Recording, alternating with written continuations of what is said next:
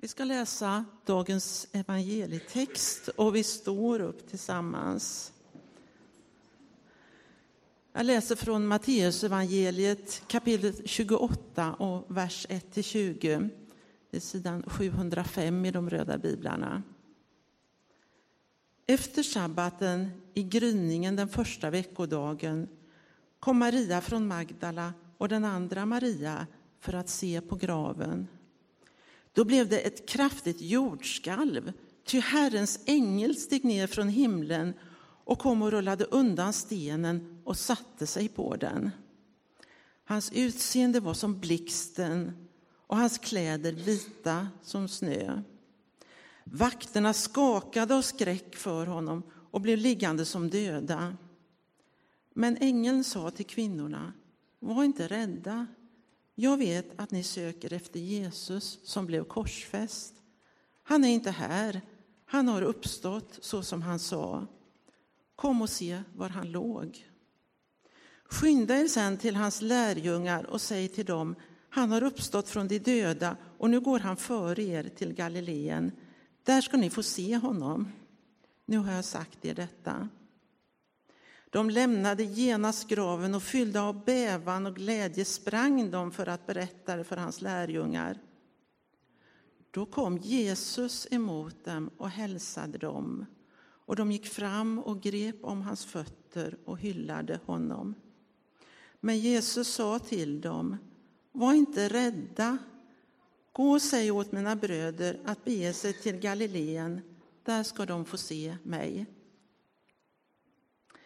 Medan de var på väg kom några ur vaktstyrkan in till staden och berättade för översteprästerna om allt som hade hänt.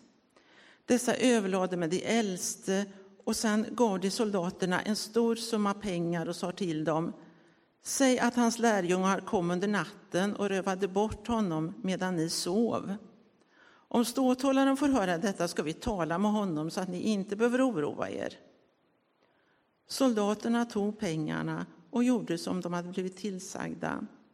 Så vann detta rykte spridning bland judarna ända till denna dag.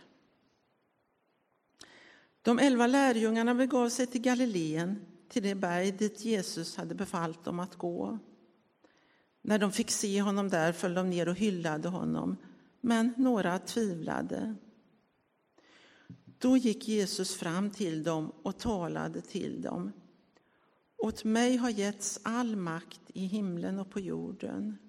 Gå därför ut och gör alla folk till lärjungar. Döp dem i Faderns och Sonens och den helige Andes namn och lär dem att hålla alla de bud jag har gett er. Och jag är med er alla dagar till tidens slut. Så lyder det heliga evangeliet. Lovad vare du, Kristus.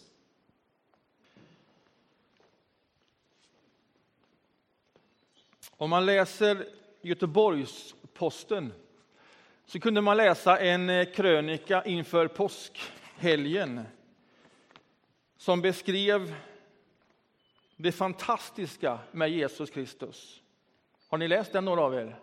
Några nickar. Den är så bra, men slutar så fel. Jag ska försöka förklara varför jag tänker precis så.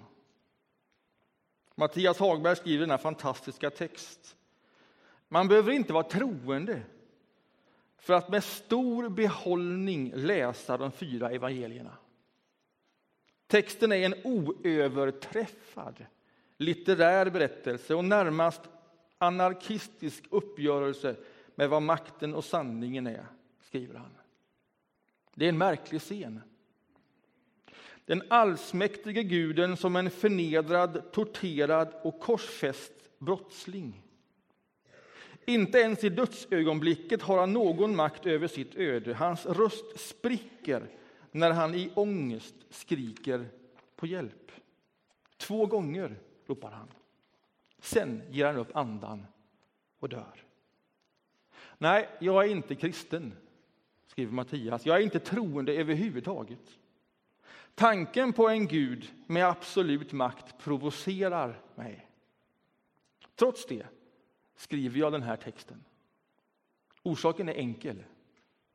Jag har i många år fascinerats av berättelsen om Jesus, så som den gestaltas av skribenterna bakom de fyra evangelierna. Men det är inte som förkunnelse eller religiös urkund som den fascinerar mig, utan som litterär text. Som en karnevalisk, anarkistisk och närmast burlesk uppgörelse med allt vad makt och maktens sanning heter. Som litterär berättelse är de fyra evangelierna oöverträffade. Jo, jag menar det på allvar. Ja, men ta bara skildringen av dödsögonblicket. Den är så mättad med provokation att det är nästintill omöjligt att förstå hur den tidiga Jesusrörelsen lyckades sprida sitt budskap. Scenen med Jesus på korset är en bild av misslyckande och förnedring.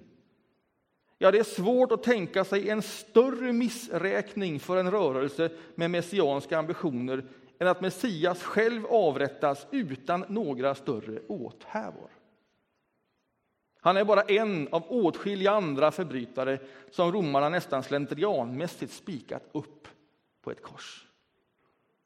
Faktum är att nästan allt i berättelsen om Jesus är upp och ner.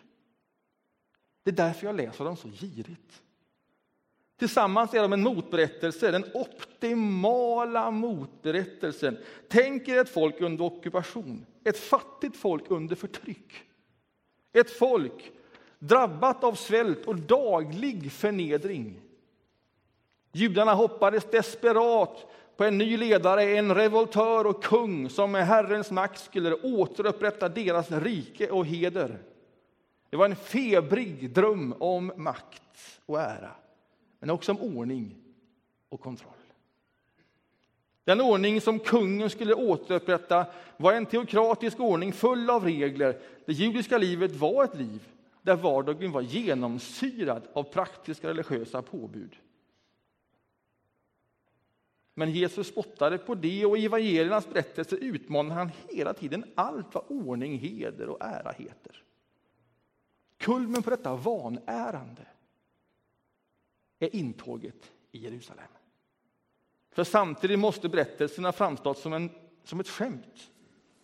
En fattig träarbetare från en okänd avkrok som låter sig hälsas som kung och som till råga på allt väljer att rida på en åsna. Osannolikt! Och till detta ska läggas allt som hänt tidigare i berättelsen. Under den tid Jesus drivit runt på landsbygden och predikat har han gjort allt för att utmana och provocera makten. Gång på gång har han hånat de rika. Gång på gång har han utmanat de religiösa lagarna och framför allt genom sitt sätt att leva. Han umgås hellre med prostituerade kvinnor, korrumperade tulltjänstemän och spetälska än laglärda. Och i sina predikningar, ja, gode Gud, här har han hela tiden påpekat att all ordning ska ställas på huvudet. De sista ska bli de första. De utstötta ska bli de mäktigaste. Guds rike tillhör tullindrivare och horor, inte prästerna, och de fromma, om man får tro Jesus. Saliga ni som är fattiga, er tillhör Guds rike. Saliga ni som hungrar nu, ni ska få äta er mättiga, utropar Jesus enligt Lukas evangelium. Och listan med Jesus ord som utmanar all rådande ordning, den kan lätt göras lång. Den som vill vara stor bland er ska vara den andres tjänare och den som vill vara den första bland er ska vara den andres slav. Den som upphöjer sig ska bli förödmjukad och den som ödmjukar sig ska bli upphöjd. Värj er inte mot det onda. Nej, om någon slår dig på högra kinden, så vänd också den andra mot honom. Om någon vill processa med dig för att få din skjorta, ge honom din mantel också. Älska era fiender. Som också Ali sa, be för dem som förföljer er. Men det är inte bara ord riktade mot makten, när även den lilla ordningen får sitt. Tro inte att jag kommit ned hit till jorden med fred. Jag har inte kommit med fred, utan med svärd. Ty jag har kommit för att ställa en man mot hans far, en dotter mot hennes mor, en sonhustru mot hennes svärfar, och mannens husfolk ska bli hans fiende. Vad är detta för ord? Det är en värld i upplösning som Jesus frammanar, en värld där han ropar ut sitt förakt för den som gläds åt sin egen framgång. Ve er, ni som är rika. Ni har fått ut er glädje. Ve er som är mätta nu, ni ska få hungra. Ve er som skrattar nu, ni ska få sörja och gråta. Ve er när alla berömmer er. Och så på slutet, ja, men det är på många sätt ett revolutionärt budskap. Eller rättare sagt anarkistiskt. Han vill riva ner och ställa på ända och, och samtidigt som han inte verkar vilja ersätta makten med någon ny ordning. Nej, han är maktlöshetens profet. Det är inte en kung som dör på korset, utan en värnlös, utsatt och plågad man. Han är enbart utstött, hjälplös och sårbar. Inget mer. Det är på många sätt en besynnerlig bild, men också en mycket vacker. Gud som ett maktlöst offer. Som litterär gestaltning av makt och motmakt är det genialt.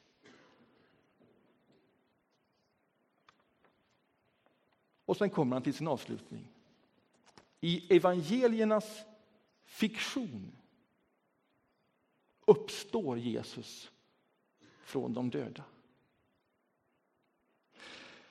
Och så skriver Mattias, det är en svajig konstruktion för att rädda Gud vid makten. Den allsmäktige får inte dö. Själv hade jag hellre sett att Jesus förblev död och begraven. Det hade varit konsekvent och kongenialt med den övriga berättelsen. Jesus som ett maktlöst offer för de fördomsfulla och våldsamma för det som hellre upprätthåller den rådande ordningen än öppnar sina sinnen för den andre. Själv hade jag hellre sett att Jesus hade förblivit död och begraven. Ja, men hur viktigt är det egentligen att Jesus uppstår? Står berättelsen för sig själv? För det är ju en genial berättelse. Det är i sanning en motberättelse. Det är en makalös berättelse, den om Jesus, som Mattias återger på ett väldigt tjusigt sätt. Eller hur? Skulle man kunna sluta precis där och att det ändå hade varit precis lika bra, kongenialt, med berättelsen? Om Mattias hade varit här och vi hade samtalat, då hade jag sagt till Mattias ungefär så här. Vet du, jag tror, om det inte vore för uppståndelsen så hade vi förmodligen inte haft denna geniala berättelse. Så avgörande är uppståndelsen. För vem skulle ha berättat den här berättelsen? Vem skulle ha tagit sig tiden och maket och skriva ner detta? Och inte bara skriva ner detta, utan sen ta detta märkliga motbudskap om vad makt och sanning är och bära det ut till jordens alla hörn och dessutom betala för detta budskap med sitt eget liv. För så storslaget var budskapet. Vi hade förmodligen inte ens haft en genial litterär berättelse om det inte vore för uppståndelsen. Och varför är då uppståndelsen så viktig för lärjungarna? Ja, men också för dem var ju det en konstig berättelse. Också för dem var ju en berättelse svår att förstå. Vad hade de varit med om egentligen? Det var verkligen god dag upp och ner hela tiden. Och full dialogen mellan Jesus och lärjungarna så är det ju hela tiden så att de inte förstår. Och de undrar hela tiden, vad gör han nu? Hur tänker han nu? Och de kan inte greppa det de är med om. Det är bara för konstigt. Hur litterärt genialt det än är, så är det konstigt. Men sen händer någonting när Jesus uppstår.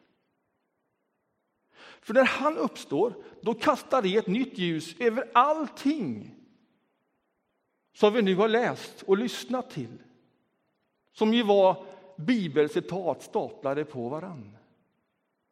Som gör att de kanske tänker om det på ett annat sätt. Det vill säga, om nu allting inte bara slutade som det verkade göra, utan han uppstod. Det omöjliga hände. Då säger det någonting om Jesus, vem han är. För detta sa han också. Och det glömde citeras i artikeln. Han sa också att jag ska dö, men på tredje dagen. Han sa det i bilder, templet ska raseras men ska byggas upp efter tre dagar. Och sen gör han det. Och sen möter han dem igen. Och man är noga i Nya testamentet med att inte bara säga det i en svepning, utan namnge dem som faktiskt såg att han uppstod. Där var Maria från Magdala, där var den andra Maria, där var de elva och senare kommer de 72 och sen var de 500 och sen... Det är noga beskrivet att man faktiskt såg honom som uppstånden. Och om det verkligen var sant, om han verkligen uppstod som han sa att han skulle göra, ja, men då kan ju allt annat han sagt också verkligen vara sant. Det kastar ett ljus över hela hans undervisning. Han är inte maktlös. Nej, nej, nej, nej. De har ju själv sett honom. Och de har hört honom säga, åt mig är given all makt i himlen och på jorden. Hur kan man tro det? Ja, om någon dör och uppstår så kan man tro det. Och då blir den här berättelsen ännu mer spännande och genial. Det vill säga, om den berättelsen om den berättelsen som en motberättelse där han ger ifrån sig makt där han vänder upp och ner på alltihopa, är en berättelse där den som har all makt ger ifrån sig all makt. Ännu starkare. Det vill säga, han var inte bara maktlös för att han inte kunde någonting annat. Han valde att exercera makten på detta så annorlunda sätt. Och det måste ha funnits så många gånger i denna berättelse där Jesus hade tänkt, nej, nu räcker det. Nu kallar vi in kavalleriet. Och det säger han också till Petrus. När Petrus tar till svärd i Getsemane, när de ska gripa Jesus, då säger Jesus till Petrus, nej, inte så. Alltså, om, jag, om, jag, om jag ville kunna kalla hit all, all hjälp som du inte ens vet finns. Men det är inte vår väg. Och så låter han sig gripas och dö på ett kors och fortsätter hela denna geniala berättelse till döden och till uppståndelsen. Och sen säger han till lärjungarna detta är berättelsen. Nu är det er tur. Berätta om detta. Låt alla få veta. Och vad är det de ska göra? Två saker ska de göra. Lär dem att hålla alla de bud jag har gett. Att vill säga allt det som vi nu har hört. Allt detta vi läser det igen och igen och igen och vi försöker få det in i vår egen kropp. Detta är vägen att gå. Det är en upp och ner på vänd väg. Och så säger han en sak till. Döp dem i Faderns, Sonens och den helige Andens namn. Alltså det handlar inte bara om att lära sig denna fantastiska berättelse och likna den berättelsen. Nej, det är djupare än så. Det är uppdraget som han ger oss och involverar oss i. Döp dem i Faderns, Sonens och den helige Andens namn. Vad är det? Vad är det vi har bevittnat här idag när Ali sänktes ner dog med Jesus Kristus och uppstod med Jesus Kristus. Vad betyder det? Vad är det vi har varit med om? Vad är det Jesus säger till oss? Döp, lär ut och döp. Jo, det hör ihop med detta. Jag är med er alla dagar.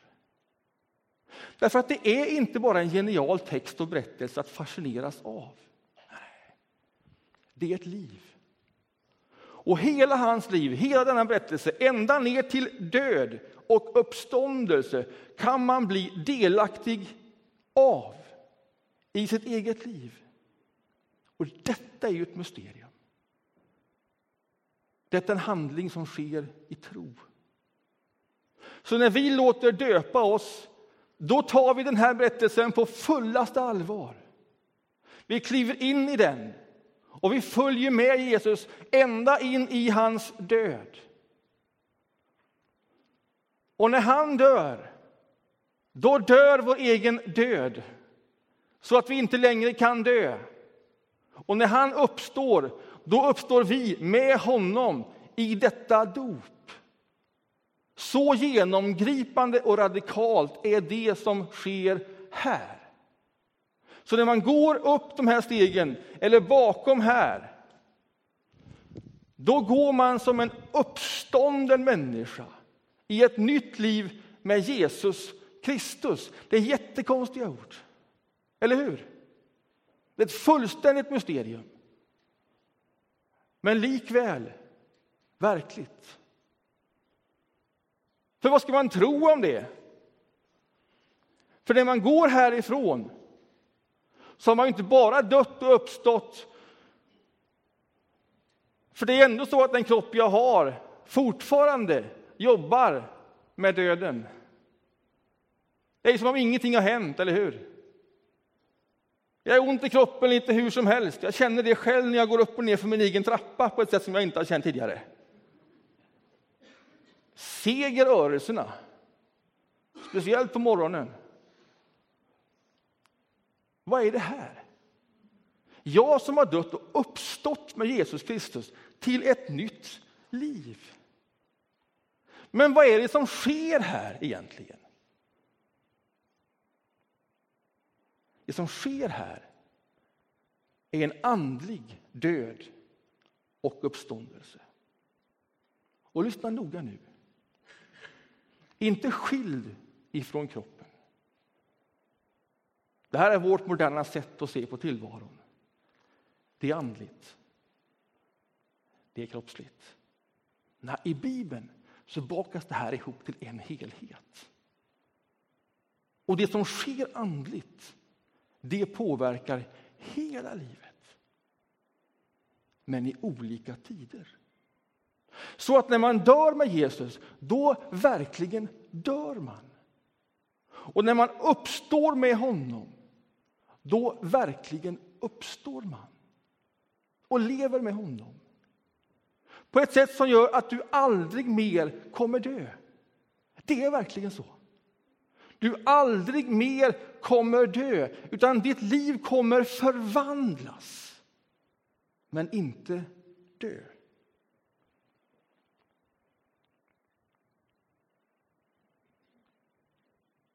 Så här skriver Paulus i Första Korinthierbrevet, kapitel 15 och vers 50. Detta vill jag ha sagt, bröder och systrar. Kött och blod kan inte ärva Guds rike. Och det förgängliga kan inte ärva oförgänglighet. Vad jag nu säger är ett mysterium. Vi ska inte alla dö. Men vi ska alla förvandlas. I ett nu, på ett ögonblick, vid den sista basunens ljud. Ty den kommer att ljuda, och då uppstår de döda i oförgänglig gestalt, och vi förvandlas. Detta förgängliga måste kläs i oförgänglighet och detta dödliga kläs i odödlighet. Men det förgängliga kläs i oförgänglighet och det dödliga i odödlighet. Då blir det som skriftordet säger, döden är uppslukad och segern är vunnen. Död, var är din seger? Död, var är din udd? Dödens udd är synden och synden har sin kraft i lagen. Gud vare tack som ger oss segern genom vår Herre Jesus Kristus. Stå därför fasta och orubbliga, mina kära bröder och systrar och ge ut er helt i arbetet för Herren. Ni vet ju att han inte låter er möda vara förspilld. Alltså, när du dör och uppstår, då dör du och uppstår. Det är på riktigt. Och därför lever du som uppstånden med Kristus. Och så, när den sista basunen ljuder, det vill säga när han kommer tillbaka igen, då ska också det förgängliga förvandlas till oförgänglighet. Det dödliga till odödlighet. Men först då ska det ske. Det har redan skett. Och det ska slutföras. Så att det som redan har skett ska genomsyra allt i en fullständig förvandling. Det är därför vi säger varje gång vi firar nattvarden när vi påminns om hans död och uppståndelse, då säger vi att vi bekänner hans död och vi bekänner hans uppståndelse till dess han kommer åter. Det är omöjligt att skilja död och uppståndelse från hans återkomst. Därför att det är då det ska bli uppenbart för hela skapelsen, det som redan har skett och som verkar i oss alla, det vill säga i ditt dop har du dött. Och döden är död för dig, även om du sliter med din kropp. Men så, när den sista basunen ljuder, då i ett nu sker den förvandlingen då oförgänglighet och odödlighet tar över allt. Andligt och kroppsligt hänger ihop. Det andliga är på inget sätt mindre verkligt än det kroppsliga.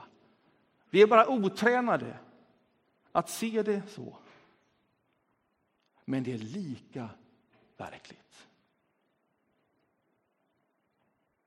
Och därför är det idag, på påskdagen, som vi förnyar vårt dop.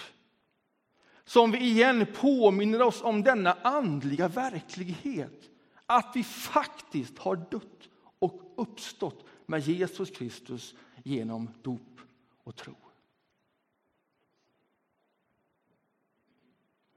Och I vår gudstjänst kommer det gå till så att i nattvardsordningens liturgi, i dess förberedelse, då finns det ett par ord där vi på nytt överlåter oss, påminner oss, kliver in, gör det verkligt som är verkligt för oss själva. Att du lever med Kristus. Och Magnus och Anette de kommer stå här vid orgen och de kommer stå med en oljeflaska och de kommer att hjälpa dig att på nytt överlåta dig, att förnya ditt dop. De kommer teckna ett kors i din panna med olja. Och olja är en symbol för den heliga Ande, det vill säga Guds närvaro. Det vill säga att Jesus Kristus är med.